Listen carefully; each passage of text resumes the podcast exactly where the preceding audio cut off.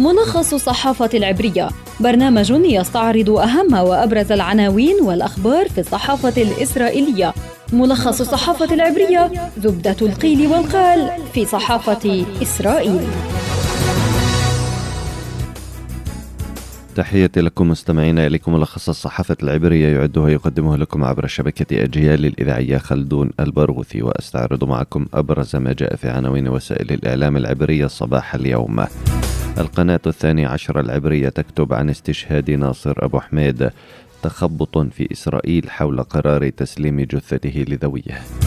صحيفتها أريتس تعنون لا أحد يصدق نتنياهو وثمن ذلك هو بيع إسرائيل في صفقة تصفية. يدعو أحرن وتكتب في عنوانها الرئيسي زيلينسكي سيسافر إلى خارج أوكرانيا للمرة الأولى منذ بدء الحرب الروسية. ليلتقي بايدن في واشنطن. ونتنياهو قد يعلن أنه تمكن من تشكيل حكومة لكن أداء اليمين قد يتأخر. موقع والله أيضا يقول إن مهلة تشكيل الحكومة تنقضي منتصف هذه الليلة. نتنياهو قد يعلن عن تمكنه من تشكيل الحكومة لكن أداء اليمين قد يؤجل إلى مطلع الشهر المقبل.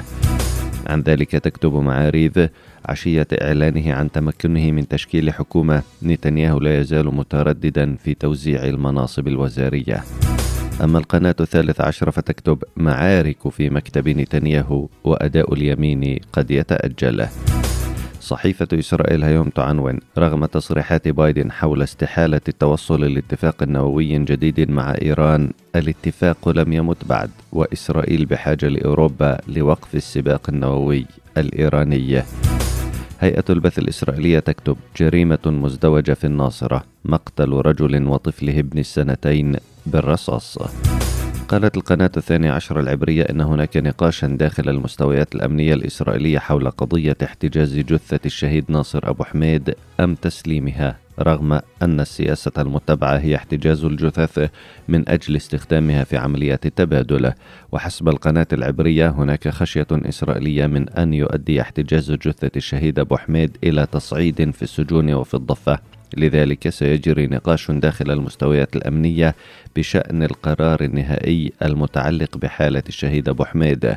وأشارت القناة الثانية عشرة إلى أن قرارا اتخذ قبل بضع سنوات بشأن احتجاز جثث الأسرى الفلسطينيين الذين يموتون داخل السجون لتكون جزءا من صفقات التبادل.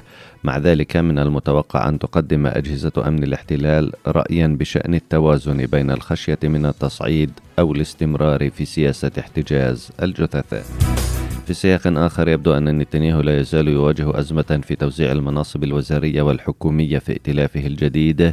لذلك قد يعلن عن تمكنه من تشكيل حكومة قبيل انتهاء المهلة التي منحت له وتنقضي منتصف هذه الليلة.